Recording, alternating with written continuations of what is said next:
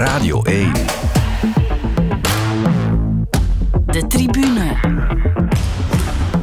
Met Jonathan Mettepenningen. Hallo en welkom bij een nieuwe special van de Tribune. Het is eind april, dan weet je wel wat er komt. Tijd voor de eerste van de drie grote wielerrondes.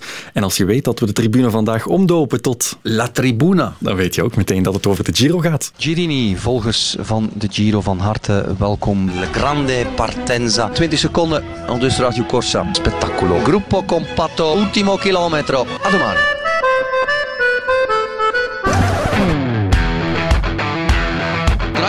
Kruiper is weg. Weiland gaat op kop. Wouter Weiland gaat een Giro-etappe winnen. Brown komt ook nog, maar Weiland gaat winnen. Jawel, hij wint voor Quickstep. Hopla. Het is 9 mei. 9 mei is moederdag. Bij deze aan eh, alle moeders. Een hele fijne moederdag nog eens gewenst. Maar het is ook de dag waarop we Wouter Weiland herdenken. De man van het nummer 108 natuurlijk. Het is tien jaar geleden dat Wouter Weiland overleed. Merlier komt eruit. Merlier, ga je kunnen winnen. Viviani nu. Viviani moet een uh, Merlier laten gaan. Hier komt Merlier door tegen niet solo. Hier komt Merlier. Merlier voor de overwinning. Zoveel jaar naar Wouter Weiland. Tim Merlier gaat het halen. Tim Merlier zet een stap in zijn carrière. Alsjeblieft, ja wadde. Ja, ik word er een beetje emotioneel van. maar uh, ja, ik ben uh, super fier.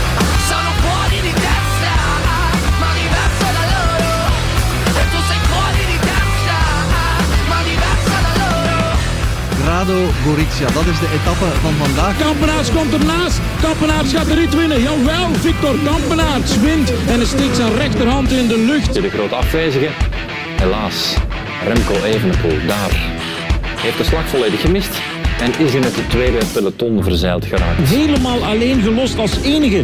De drager van de witte trui is dit een cruciaal moment in de ronde van Italië voor Evenepoel. Zo lijkt het er toch op. Geen sprake van ochtendgrijs, het is de hele dag grijs. De Fedaya en Pordoi gaan eruit.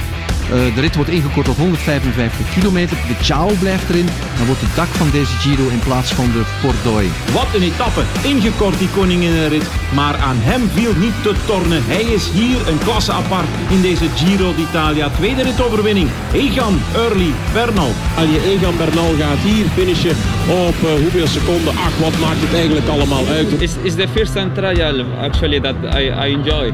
Yeah, I can describe... Uh, what what I'm feeling inside of me.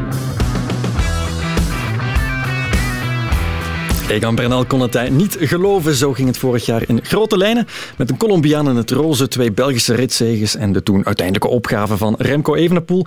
Um, het zal helemaal anders worden dit jaar. Uh, want die drie Belgen die zijn er al niet bij. Dat maakt het net zo leuk om over uh, te praten. Andere namen, andere kansen. Maar onze namen die blijven dezelfde. Renaat Schotten en José de Kouwer, welkom. Ja, goedemiddag. Buongiorno. Aha. Hoe zit het met, uh, met de vlinders? Ja, die zijn bij mij, die zitten ergens in de, in de bomen ergens, want uh, Renaat heeft mij verlaten. Ja. We zijn nog niet vertrokken en hij gaat al alleen op stap. Ja, hoe komt dat? Ja, het is waar, hè. Ja, omdat we de rechten, dat weet iedereen intussen, al een jaar of vijf kwijt zijn. En uh, ja, ik ben sindsdien blijven gaan naar die ronde van Italië op uh, een heel andere wijze. Maar dat was telkens jammer genoeg zonder José. En ik blijf op een of andere manier natuurlijk wel dromen van de dag dat de Giro-rechten terugkeren naar Sporza TV. Mm -hmm. Maar het is wat het is, José. Ja, ze gaan wel moeten rap zijn natuurlijk. die rechten dan. Ah, je bent onsterfelijk. Ja, ja, morgen voilà. ook. Uh, maar geen commentaar meer, Renaat. Je gaat nu op een andere manier naar de Giro. Het is van 2016 geleden, denk ik, dat je nog commentaar gaf. Um, die nieuwe rol, doet dat je evenveel watertanden? De Giro doet mij evenveel watertanden. En die rol ja, die evolueert een beetje door de jaren heen. Dit jaar ga ik in eerste instantie voor een, een Giro-magazine dat uitgezonden wordt op uh, Canvas elke dag om kwart voor acht. Uh -huh. En dat wordt dan nog eens herhaald in, uh, na het laatavondjournaal op één. En ja, we hebben maar een beperkt uh, aantal minuten per dag dat we mogen geven. En we gaan binnen dat kwartiertje proberen om de mensen die die dag niet live naar de koers hebben kunnen kijken, zo goed en zo kwaad als het kan te bedienen. Ja, José, hoe beleef jij die tour dan? Die Giro tour? ik kijk op alle mogelijke kanalen die er zijn. -huh. vooral naar de RAI, moet ik eerlijk zeggen. Omdat die toch wel wat extra informatie hebben. Uh, of de Italiaanse zender die hem dan uitzendt op dat moment. Omdat die nogal wat motoren in koers hebben en mm. omdat die nogal eens vaak uh, er knal op zetten. Mm -hmm. En die RAI gaat dit jaar de beste uitzending ooit krijgen. Belgische beelden. Voilà. Oeh. Ja, Belgische montaars, Belgische cameramensen. Het is wel nog een Italiaanse regisseur, maar, maar de, de productie is in handen van uh, Euromedia Groep, uh, die ook een zeer flinke poot in België heeft. En de Belgen die dat contract hebben binnengehaald. Eigenlijk is, is het een... Ja, het is, het is, voor de RAI is dat dramatisch hè, natuurlijk, want zij hebben jaren aan een stuk de Giro gecoverd, maar door het feit dat ze er een paar keer, dat ze een paar keer letterlijk flink de mist zijn ingegaan, mm-hmm. hebben ze bij RCS gedacht van het is gedaan met Mama Rai. En hoe groot de traditie dan ook is en het respect voor de Italiaanse publieke omroep, ze hebben die, die productie in privéhanden genomen, in eigen beheer eigenlijk. Eh, RCS gaat het produceren en heeft daar gewoon de Belgen voor onder de arm genomen. Ja, Oké. Binnenkort trekken jullie samen uh, naar de Tour. en het gaat nu solo naar de Giro. Um, voor het eerst in, in die tandem. Um, onvertrouwd gaat het niet aanvoelen, dat niet? Uh, nee, nee, nee. Het is, uh, het is eigenlijk allemaal begonnen in de Giro. Mm -hmm. Dat is waar. Ja, ja. De Giro van 96. Het is begonnen onder de Acropolis van Athene nog wel. Okay. Met een avond waarin José er alles aan gedaan heeft om uh, stiepel zat te voeren. en dat is ook gelukt ook, want met taxa dat is echt niet mijn drankje. En ik ben ook... Mijnen ook eigenlijk niet, moet ik eerlijk zeggen. voilà, maar het doel herrichte middelen. Dus. Uh, ja, inderdaad. Hè. Toen nog met... Mark Uitroeven als commentator. Ja. Heerlijke tijden. Mm. Voilà. En jullie kunnen dit uurtje misschien de ketting nog wat meer smeren om uh, helemaal klaar te zijn. Laten we misschien beginnen met het uh, parcours. Radio 1. De tribune. De Grande Partenza vindt dit jaar plaats in Budapest. Twee jaar nadat het oorspronkelijk gepland was. Een driedaagse door Hongarije. Uh, en met een leuke openingsrit, José Renat. Ja, inderdaad. Hè. Een, een openingsrit om naar uit te kijken. Misschien de rit niet, maar dan vooral de finale. Mm -hmm. Ja, want voor de finishes, dus uh, al meteen eigenlijk een kolfje naar de hand van uh, Alpecin Phoenix, kopman Mathieu van der Poel. Ja, alles en iedereen die uh, goed kan aankomen. Een goede sprinter, een Juwen. Ja. Moet dat kunnen. Demar moet dat in principe nog aan kunnen. Dus het, het zou in het voordeel van een Mathieu van der Poel kunnen pleiten. Maar een sprinter in vorm moet dat ook nog net kunnen. Dus en dat maakt het juist ja, toch wel speciaal. Ja, het is vooral de finish waar we naar uitkijken. Het is een, een buistje. Kunnen we die vergelijken met iets? Ik zou het begot niet weten. Ik ben nog nooit in Hongarije geweest. ik, ook niet, niet, ik ook niet. Maar voilà. binnenkort dus, wel. Sorry. Maar Renaat gaat het ons allemaal weten te zeggen. Ja. Hè. Oké. Okay. Je hebt uh, Mathieu van der Poel al genoemd. Dat is interessant. Uh, het is de eerste keer dat hij de Giro gaat rijden. Uh, we kunnen eens luisteren naar wat Van der Poel te zeggen heeft. Het is eigenlijk ehm, half mijn eigen vraag geweest ook. Um, ja, het is iets wat ik, de Giro is wel iets wat me aanspreekt. En ik denk dat zeker voor mij voor in de toekomst en gewoon voor mijn evolutie wel goed gaat zijn om uh, een grote ronde te rijden. Zeker ja, als je ziet wat ik voor voorjaar heb gereden, nou, dat was niet heel uitgebreid. En ik denk wel dat dat ja, mij beter gaat maken naar de toekomst toe. Wil ik nog één keer op inhaken? Je zegt het moet me beter maken naar de toekomst toe. Wat moet het jou beter maken? Nou, gewoon misschien nog net iets meer basis, net iets sterker worden. Die motor nog net iets groter, denk ik. Um, dat is wel iets waar ik nog aan moet werken. Ik heb nog geen grote ronde in de benen. Ik ben 27, dus het is toch wel iets... Uh, iedereen zegt dat, dat je altijd beter wordt van een grote ronde, dus ik ben benieuwd. Voilà. Als iedereen het zegt, zal het uh, wel waar zijn. Mathieu van der Poel rijdt de Giro voor het eerst op eigen vraag dus. Hij vindt het een, een leuke ronde. En de aanwezigheid van Van der Poel is meteen een reclamestunt voor de Giro ook, denk ik. Ik denk dat hij eigenlijk wel de blikvanger is van deze ronde van Italië. Ook al is hij natuurlijk geen kandidaat eindwinnaar. Mm -hmm. Ik ben wel geïntrigeerd door wat hij zegt. Um, ja, het is een vraag, José, kan jij ze beantwoorden? Kan een renner Alain van der Poel op zijn 27e beter worden door een grote ronde zoals de Giro uit te rijden? Ja, toch wel. Zeker. zeker. En de reden waarom hij daar start is denk ik omdat ze met Phoenix een Italiaanse co-sponsor hebben. Ah, ja, ja. Die daar heel veel uh, druk op gezet heeft. Of toch de vraag uh, gesteld heeft van ja, kunnen jullie uh, komen met iemand en kunnen wij etappes winnen? Ja, ze kwamen met meer dan één iemand. Hè, want het was ook de bedoeling dat Tim Merlier -hmm. zou gestart zijn in Budapest. Maar die elleboogblessure gooit fix roet in het eten. Wat ik eigenlijk heel dramatisch vind. Want Merlier droomde nog min of meer van de paarse puntentrui. Dus Absoluut. dat is wel heel, heel jammer. Ja, je had hem geïnterviewd, dacht ik. Ja, klopt, uh, klopt, klopt, voor uh, de Giro-gids van, van ProCycling. Uh -huh. En daarin heeft hij echt wel laten weten dat hij daar vol voor wou gaan. Omdat bij Merlier een beetje hetzelfde verhaal speelt als, um, als Van der Poel. Nog nooit een grote ronde uh, uitgereden. En hij wil dat ook voor zichzelf dan tonen dat hij dat kan. En had er heel veel van verwacht. Maar het mag dus niet zijn. Nee, dus geen Merlier wel Van der Poel. En Van der Poel meteen in het roze. Het zou wat zijn. En het kan ook gewoon. Ja, dat zou inderdaad kunnen. Hè. Dat zou inderdaad kunnen. Komt er natuurlijk wel een, uh, ja, een tijdritje aan. Ja, dat is natuurlijk niet zo simpel. In die tijdrit kan je toch 9 kilometer, 2, dan kan je toch wel wat tijd verliezen. Je mag dan al 10 seconden genomen hebben, eventueel bij een ideaal scenario. Oké, hij is dan al roze, maar je zou hem Sander een dag al kunnen kwijt zijn. Dus dat kan, uh, wat niet de bedoeling is, denk ik. Maar dat roze, dat is natuurlijk heel mooi en uh, dat zijn de ambities van een Mathieu van, der Poel. Maar je moet het eerst nog maar doen. Hè. Dus uh, ik zou toch nog met twee woorden spreken. Ja, toch nog. Hij wil zowel de Giro als de Tour uh, uitrijden. Heeft inderdaad nog niet veel koersdagen genoteerd. maar twee keer op de toppen van je kunnen, zelfs voor Mathieu van der Poel. Kan dat?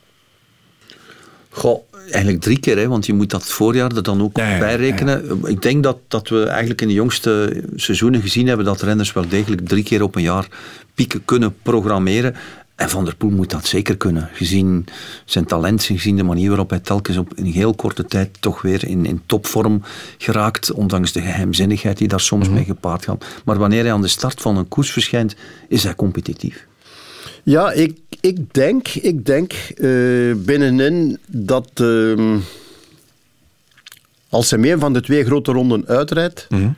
dat het Tour zal zijn. Ja, toch? Ja. Mm -hmm. Hij wil de kosten wat kosten zeker niet opgeven in uh, die Giro, dat heb ik gelezen. Ja, maar dat zal ten koste wat kost. Maar als dat inderdaad te lastig en te veel wordt, er zijn meer dan 50.000 hoogtemeters. -huh. Het is net of men alsmaar meer en verder naar de maan wil met die een of andere grote ronde.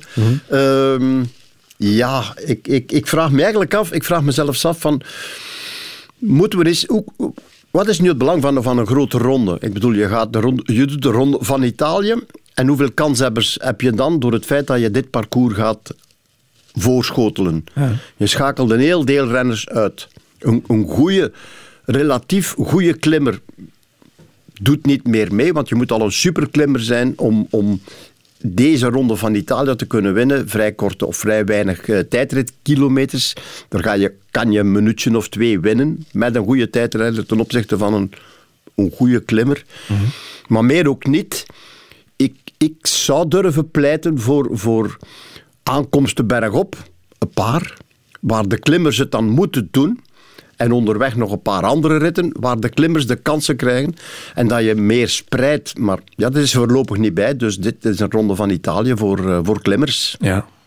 Ja, wat José zegt over die tijdritten, dat, dat klopt. Hè. Het is um, uh, het laagste aantal tijdritkilometers um, sinds 1963. Ja. Ik moet even kijken. 26 kilometer en, en 400 meter. In, in 63 zat er geen enkele tijdrit in toen Franco Balmamion de roze etappe, de roze trui veroverde. Maar je merkt het ook aan het startveld. Hè. Het is zoeken met een vergrootglas naar, naar tijdrijders.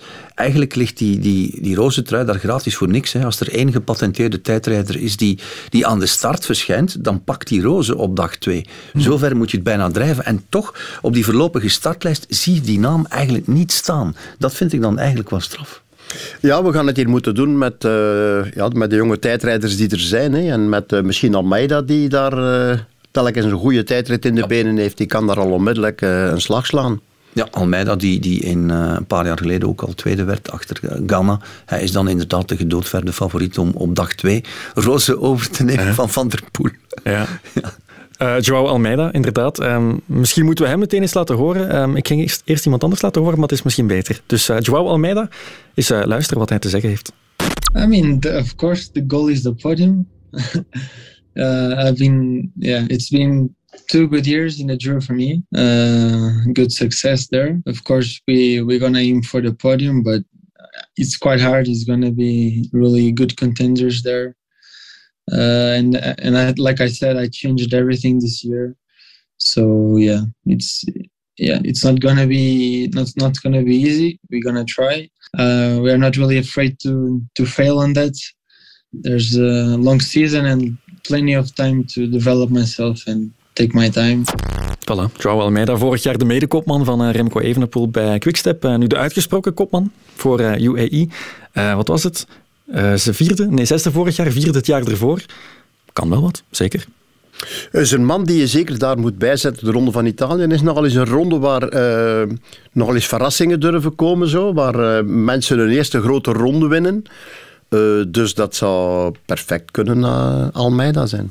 Mm -hmm.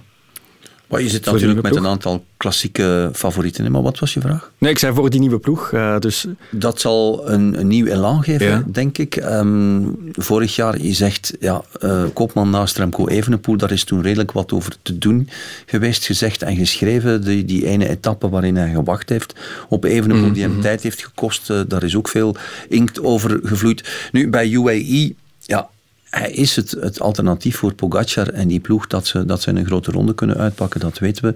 Intussen, als we dan ook kijken naar eh, die ploeg, die samenstelling, dat is een hele sterke ploeg. Ja. Misschien wel de sterkste ploeg die je daar zo ongeveer bijeen kan vinden met, met Formolo, met Rui Costa, uh, Kovi, toch een s- vroege seizoensrevelatie, Ulissi, gepatenteerd Giro-ritwinnaar, heeft er al een stuk of acht gewonnen in zijn carrière. Eh, ja, dat, dat is een hele mooie armada. Dan heb je dan nog snelle man Gaviria bij. Ik vind dat een van de, van de blikvangersploegen. En Almeida is dan een hele mooie kopman. ja, hij zegt ook, het, het moet nog niet. Mocht het niet lukken, geen, eh, geen drama. Is ook nog maar 23. Dat is altijd zo'n uitspraak. Hè. Moet het, wanneer, wanneer moet het? Ik vind dat dat, eh, de buitenwereld zegt dat ook heel makkelijk. Ik vind dat dat voor een coureur eigenlijk nooit moet. Een coureur die kan gewoon zichzelf voorbereiden op een wedstrijd en dan proberen uit te pakken. En als je echt met eh, een, een, ja, een dag dus oordeels afkomt, dan kan je zeggen, ja, het moet nu. Maar eigenlijk, een coureur die gaat er gewoon voor met de benen die hij op dat moment ter beschikking heeft en gaat ervoor. En van moeten. Ik vind juist dat al die coureurs geprivilegeerd zijn dat ze dat vak kunnen uitoefenen en daarvan kunnen leven. En ik zou nog liever in hun plaats zijn dan eh, in mijn plaats. Ja. Oké. Je had het daarnet over enkele eh, klassieke grote namen, grote kanshebbers. Ik gok dat eh, Tom Dumoulin daartussen zit. Tom Dumoulin wordt een heel interessante man om te volgen. Ook al gaat hij met, wat is het, maar een dozijn of wat koersdagen die, die ronde van Italië aanvatten, met ook niet echt een zicht op, op wat zijn vormpeil momenteel is. Eh, Dus hij is een vraagteken, hij heeft ook te weinig tijdritkilometers om dan echt te Ja. excelleren. Maar als we de Dumoulin van 17 zouden terugzien, wel ja, dan gaat hij een rol spelen. Hè. Maar de vraag is of we die Dumoulin van vijf jaar geleden gaan terugzien. En het is ook geen Giro van 2017. Daar zaten ook heel wat meer tijdritkilometers in. Dat klopt, maar hij heeft daar ook in het gebergte aardige Ja. dingen laten zien. Hè. Won op, op Europa, aankomst bergop. Ehm, de, de beste Dumoulin die kan in het hooggebergte... Ja, die kon zaken die, die, die echt wel eh, fantastisch waren. En 18 had hij eigenlijk ook kunnen winnen, maar zich toen iets te lang in de luren laten leggen door die legendarische reet van eh Froome over de Finestre. De dag dat, dat eh, Simon Yates het eh, allemaal moest laten lopen. Hè. Ja. Het wordt zijn eerste grote ronde ehm, sinds dat hij even vaarwel zei aan eh, de koers José. Wat gaat dat brengen?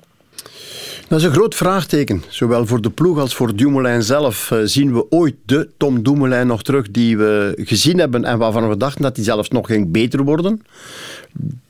Daar twijfel ik aan. Hij heeft een voorjaar gehad met ups en downs eh, uit wedstrijden gestapt waarvan hij dacht, die heb ik nodig om het te gaan maken. Eh, ja, ik denk dat het heel moeilijk wordt, want deze ronde van Italië gaat wel eh, een aanzet zijn tot verder geloven in het wielrennen en verder Tom Dumoulin worden of eh, koersen om te koersen en knecht te gaan knechten. En daar, daar, ja, dat zou eigenlijk jammer zijn voor iemand als Tom Dumoulin met het talent, met het charisma, met de uitstraling. en, en de nood die we hadden aan dat soort mensen eigenlijk was eigenlijk wel heel groot. En het is, eh, ja, ik denk, eh, samen met Nederland uitkijken naar wat eh, Dumoulin gaat doen. Ja. Maar ik ik heb nog één aanmerking. Als Renaat spreekt over de UAE-team, dan zet ik daar toch de mannen van Ineos tegenover. Ja, ja. Laten we daar straks naartoe gaan. Ik wil nog even bij Dumoulin blijven, want Jumbo-Visma gaat hem wel eh, beschermen. Naast Dumoulin komen ook Tobias Vos en Sam Omen als eh, mede-kopmannen. Even luisteren wat Tom Dumoulin er zelf over zegt. Ik vind dat heel prettig, ja. Ja, ook omdat ik het...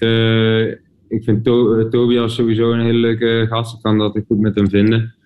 En ehm, ehm, ik heb er in het verleden wel moeite mee gehad. Kijk, ik, ik, ik ben gewoon geen alfa-mannetje.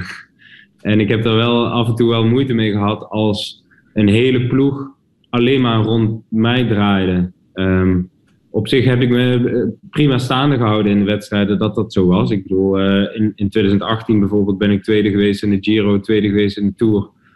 En toen zijn we echt wel twee rondes volle bak eh, focus voor mij eh, eh, daarheen gegaan. Dus ik kan het prima hebben, maar ik voel me prettiger bij, bij een, tweede man naast mij. Waarmee ik dat kan delen. En daar is Tobias een hele geschikte, fijne gast voor. Ja, het is geen alfamannetje, Tom Dumoulin. Um, is het de beste manier om hem te omringen? Er twee mensen naast zitten? Ja, zoals Renate er net al zei, niets moet. Het zou eigenlijk nooit moeten. Het probleem is altijd, als het, uh, het is pas na een wedstrijd dat je beseft van, ik heb hier iets laten liggen. Mhm. En dat is altijd jammer, want je kan wel beginnen met moeten, moeten, moeten, maar, maar daar, daar kom je nergens mee. Het is vooral in de wedstrijd zelf dat je moet proberen om, om geen fouten te maken, geen zaken te missen.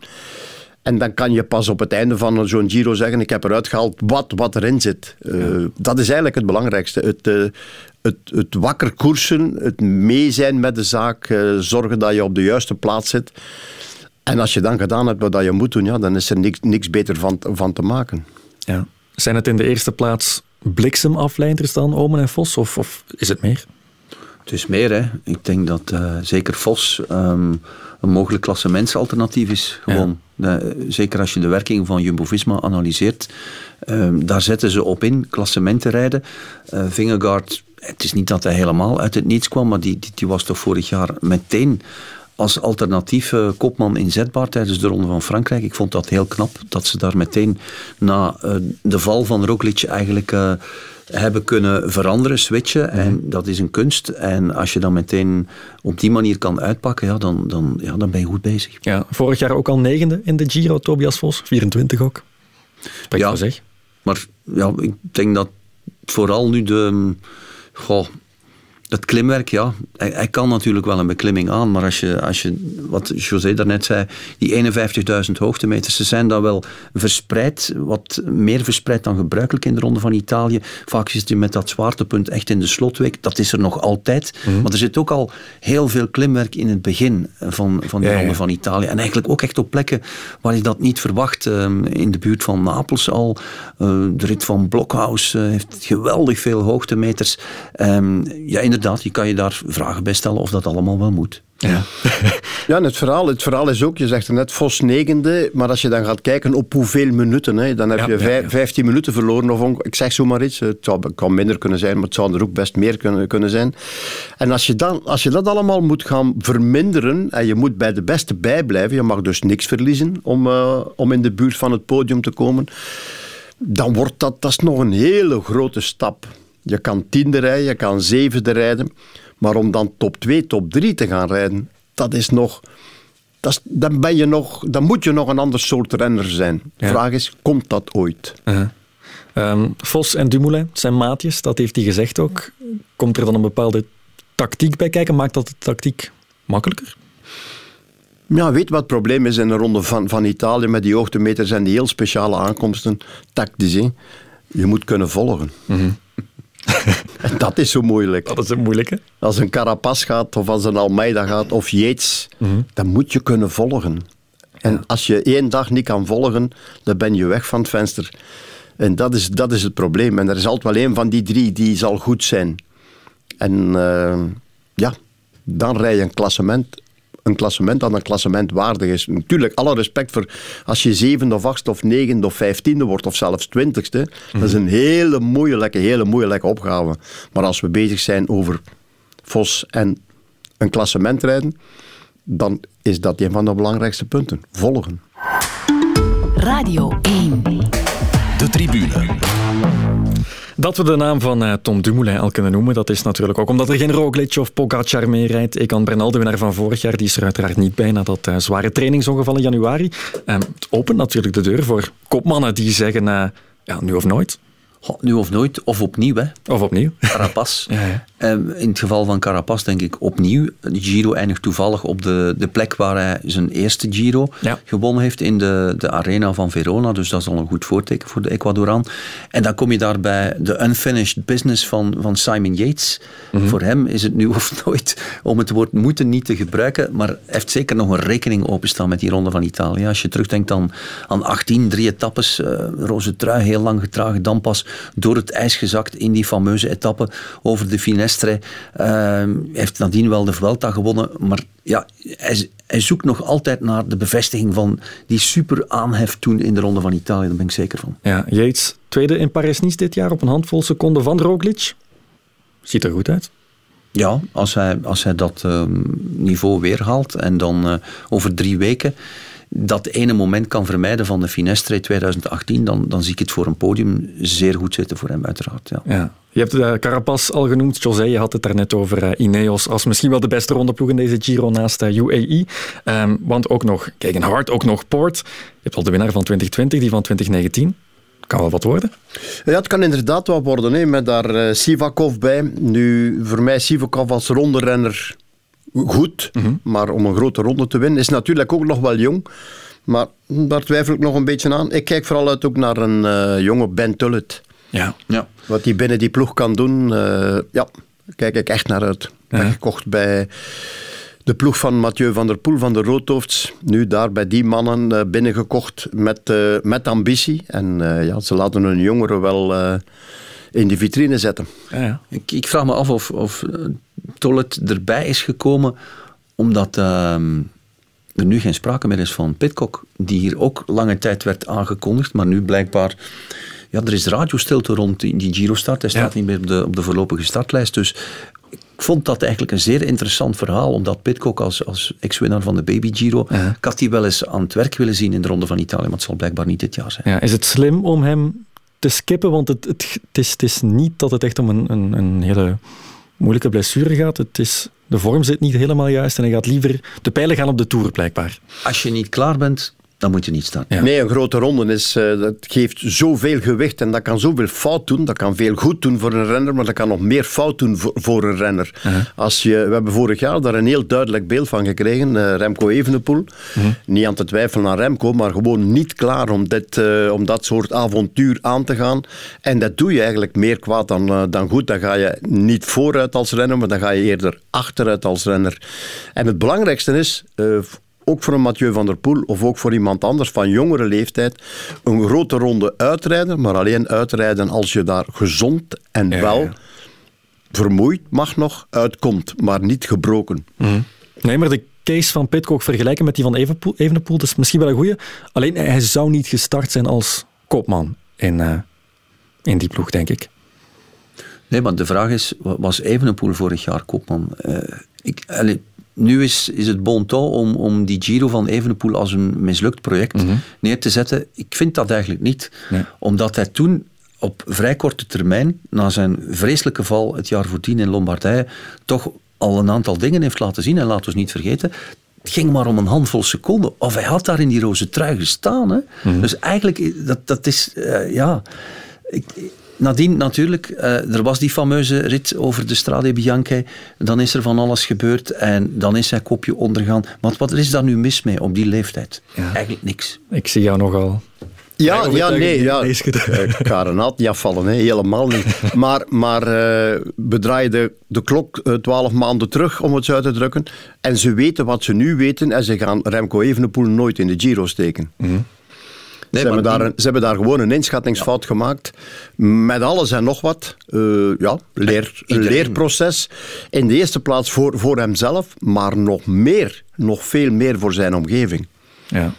Nou, de ploeg is toen ook meegegaan in dat verhaal. Hè. Ik bedoel, uh, achteraf kreeg de pers de zwarte piet doorgeschoven, verwachtingspatroon. Maar dat verwachtingspatroon werd vooral gevoed door, door de ploeg ook en door Remco zelf. En, mm. en dat wordt dan gemakshalve wanneer de pers neergesabeld wordt door de haters op sociale media. Dat is makkelijk gezegd. Hè. Ik bedoel, je moet gewoon weten wat je zegt op welk moment. En natuurlijk ga je zaken zeggen die dan soms uh, twee, drie weken later al gedateerd zijn. Dat hoort er ook allemaal bij. Maar ik ben er blijf ervan overtuigd dat verhaal Evenepoel vorig jaar, ondanks het feit dat het geen succes was, mm. dat neemt hij mee naar zijn volgende grote ronde project. En dan wordt dat interessant in de Vuelta. Ja, dat wel. Maar een goede keuze van Pitcock om op dit moment even over te slaan. Men heeft de luxe binnen die ploeg. Ja, en Pitcock heeft ook de luxe als wereldkampioen veldrijden, als Olympisch kampioen mountainbike, als winnaar van de Brabantse pijl. En ik weet niet wat nog allemaal dat hem nog gaat doen ook. Mm. Heeft hij de luxe om te zeggen, en zijn omgeving, Kurt Bogaerts, van te zeggen zou dat wel verstandig zijn met dit product om wat te worden? Om, om misschien een etappe te winnen? Misschien? En om dan helemaal uitgemergeld uh, terug naar huis te komen?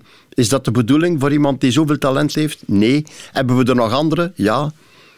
Verandering van uh, programma. Ja, oké.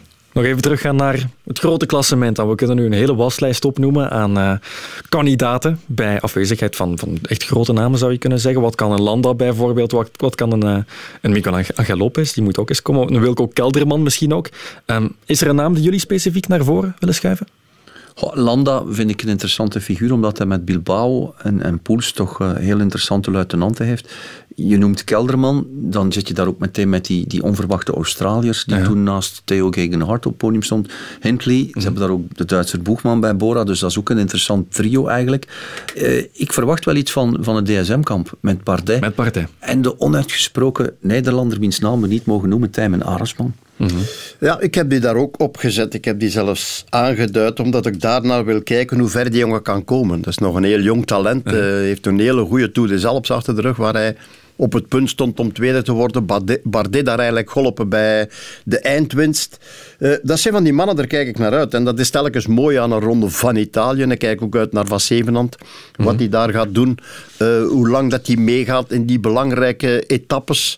Dat zal dan ook, ik denk dat ze daar binnen de ploeg van uh, Quickstep Alpha van ook naar gaan kijken van hoe ver draagt hij, wat gaat dat worden, waar brengt ons dat in het, pro, in het hele proces van Remco Evenepoel, want dat, er is toch op een bepaald moment een team nodig. Als je ziet wat uh, Mauri van Zevenand doet op de redoute, ja, dat is fenomenaal wat hem daar doet. Hij rolt daar de lode roper uit en, en iedereen is eigenlijk al uh, murg gereden, bijna. Uh, er zijn een heel deel verhalen geweest van ja we, ja, we twijfelden een beetje of we Remco gingen volgen. Ja, dan nee. In de eerste plaats zat er niet veel zin om te volgen, omdat ze vooral pijn in de benen hadden. En daar had vooral Remke, of er had vooral Marie van, van, van voor gezorgd. En die heeft dan ook nog eens een goede sprint in de benen. Die kan heel raar uit de hoek komen. Mm -hmm. Dus het zou me niet verwonderen mocht hij voor een Belgische ritzege zorgen. Ja, dat zou mooi zijn. Doodzonde dan natuurlijk dat Ilan van Wilder, die ook voorzien was door zijn uh, gebroken kaak, niet aan de start zal verschijnen. Want dat was ook iemand om in de gaten te houden en die zeker potentieel heeft in ja. groot rondewerk. Wordt dat het plan van, van Quickstep? Nu gaan voor ritzeges in deze Giro? Of? Cavendish. Cavendish is Cavendish. Cavendish die, die op een of andere manier er zeker nog van droomt om er alsnog bij te zijn in de ronde van Frankrijk. Mm -hmm. uh, wat er daarvoor ook moet gebeuren. Hij zal nu in eerste instantie verplicht zijn om, om zich te concentreren op zijn eerste Giro in negen jaar. Ja. Ja. Uh, um, ja. Misschien nog eens wat, uh, wat extra namen noemen. Mikel Landa, derde in Tirreno van, van, van, van, van dit jaar met een goede ploeg. Um, Angel Lopez, dat is misschien wel een interessante. Minder seizoen gedraaid bij Movistar vorig jaar. Ik kom thuis bij Astana. Um, werd al eens derde in de Giro. Het is wel, uh, wat is het, vier jaar geleden. Wat kan hij nog? Dat vind ik een moeilijke, José. ja, inderdaad. Ja, dat is een hele moeilijke. Ik, uh, ik ga ja. Voor een, alge, voor een klassement over drie weken geloof ik daar eigenlijk niet in. Ja. Uh, top 5 rijden, ja. Uh, ja, ik heb hem al zo vaak dingen zien doen dat je denkt, oh, ongelooflijk, ongelooflijk. Als dat nu morgen nog zo eens is en binnen twee dagen nog eens, ja, dan is die kerel helemaal klaar om, om, om een, een wedstrijd van dat soort kaliber te winnen.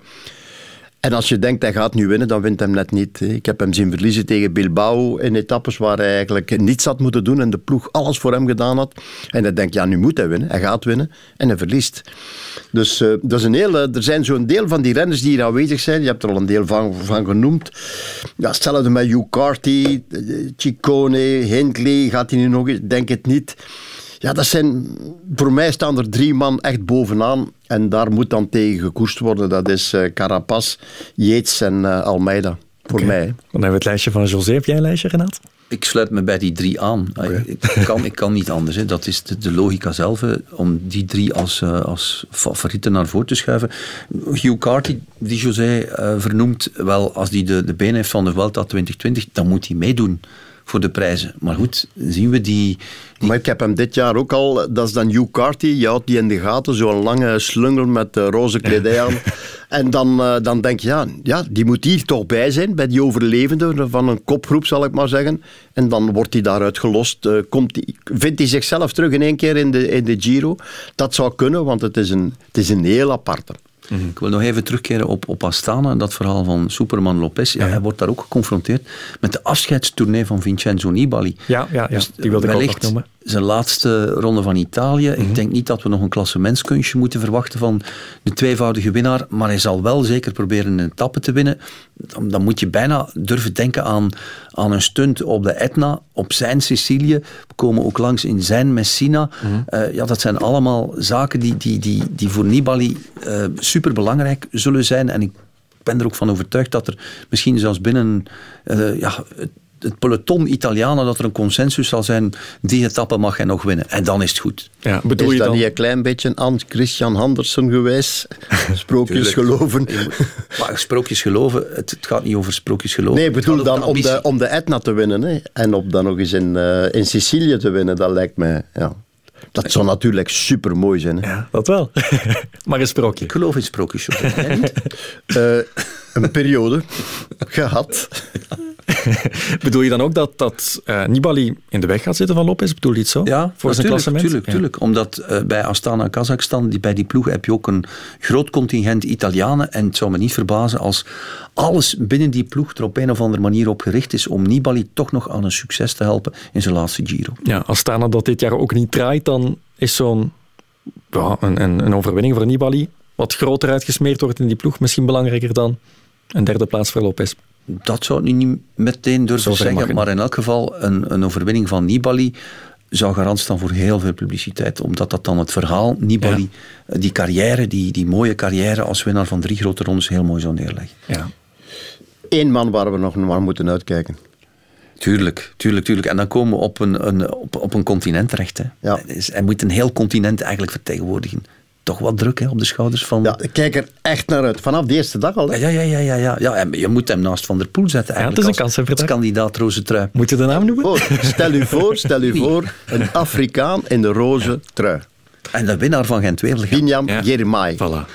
Zijn naam is gevallen. Daarvoor alleen al zou ik mijn televisietoestel een uur vroeger aanzetten.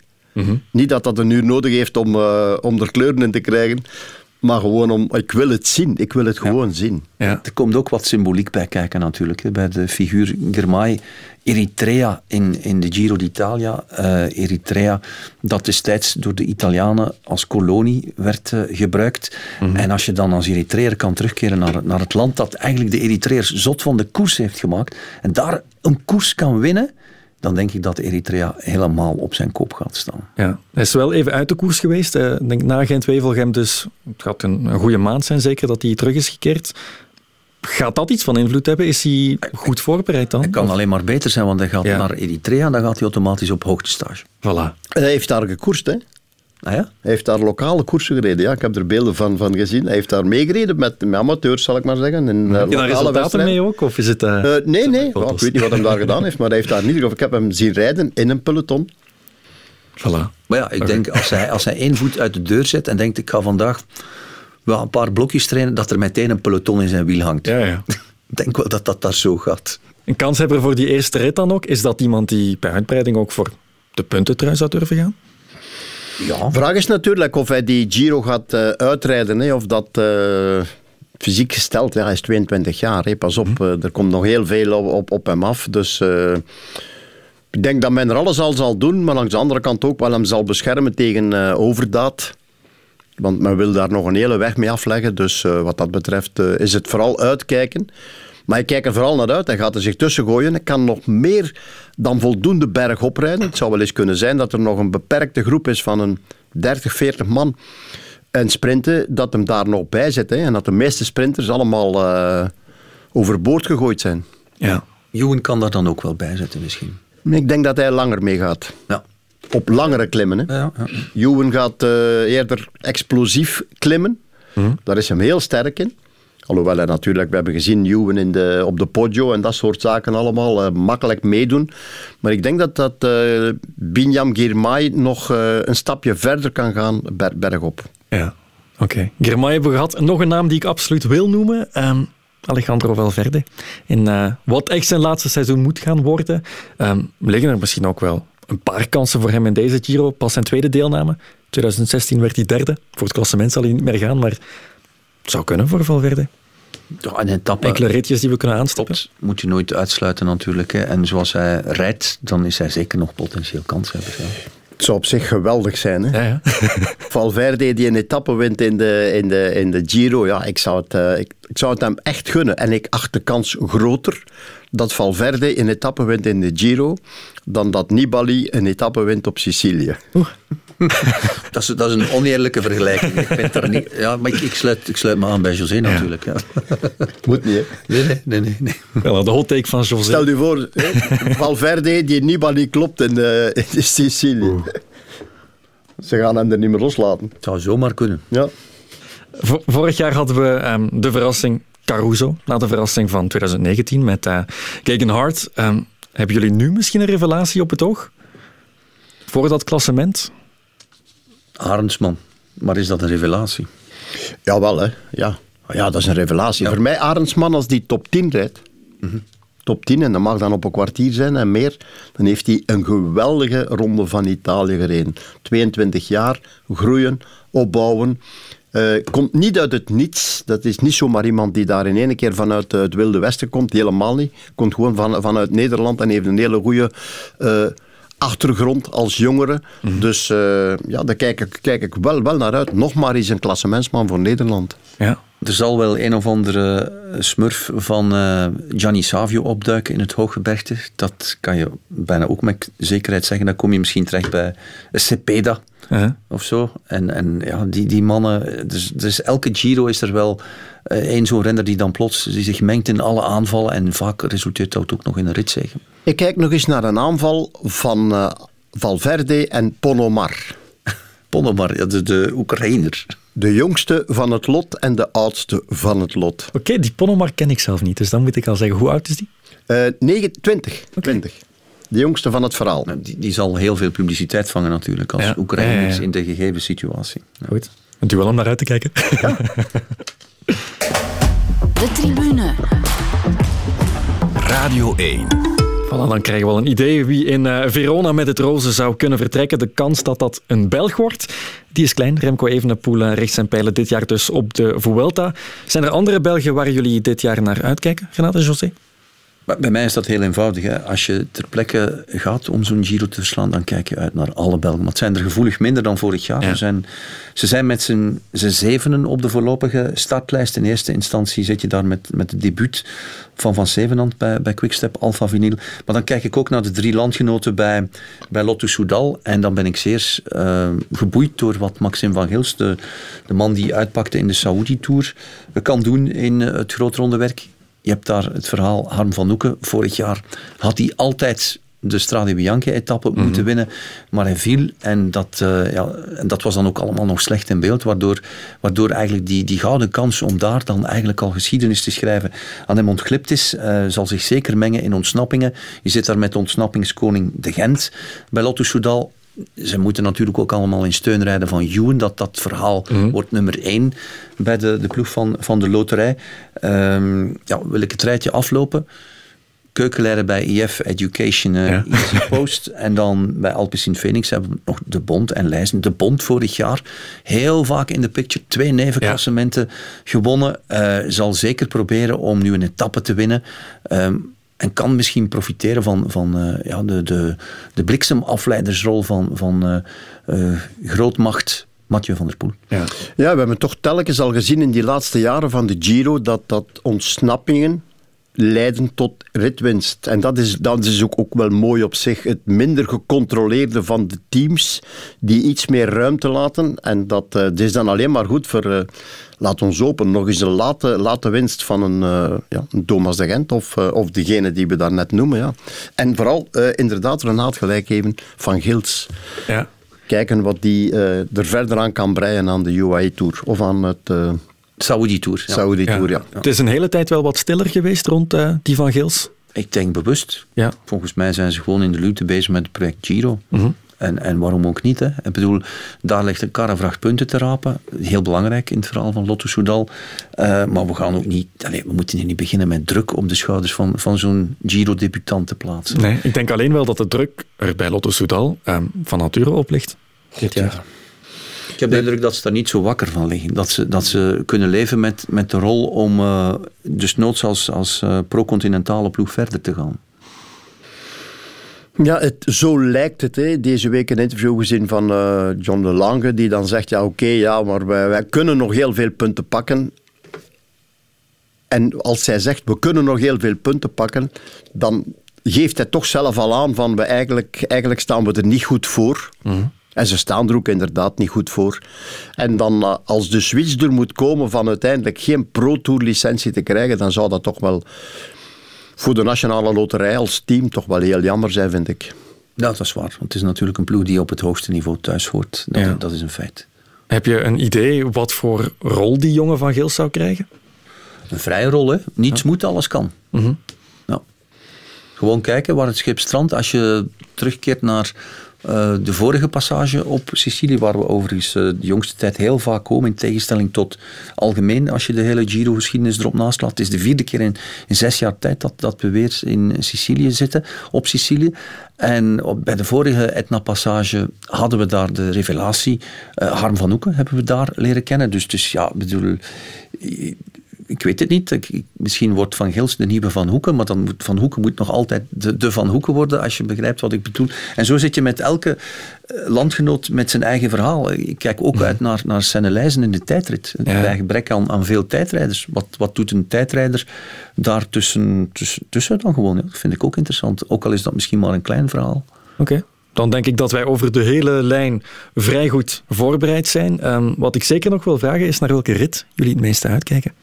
Jullie hebben allebei een plannetje voor jullie liggen, dus uh, keuze ik, genoeg. Ik kijk vooral al uit naar de eerste rit. Ja. Gewoon de eerste etappe. Mm -hmm. Oké, okay, saaie aanloop, dat misschien allemaal wel, controle. En dan kijken, ja, wat gaat uh, Girmay doen, wat gaat Juwen doen. Het zou voor Lotto een geweldig opsteker zijn mocht Juwen daar uh, de rit en de trui pakken. Ja, ja. En dat soort zaken. En uh, zo Maxim van Gils, in mijn ogen, gewoon de Giro laten rijden. Zeker niet laten werken voor anderen. Gewoon eigen koers laten rijden.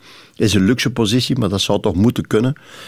Vraag is, wie gaan ze er nog bij nemen? Want we hebben zo weinig zicht op de voltalligheid van de ploegen. Ja. Dus dat moeten we ons nog een klein beetje wijzer maken. Uh, en verder, ja, uh, de Etna is dan als een van de eerste etappes al, die dan een beetje tot de verbeelding spreken.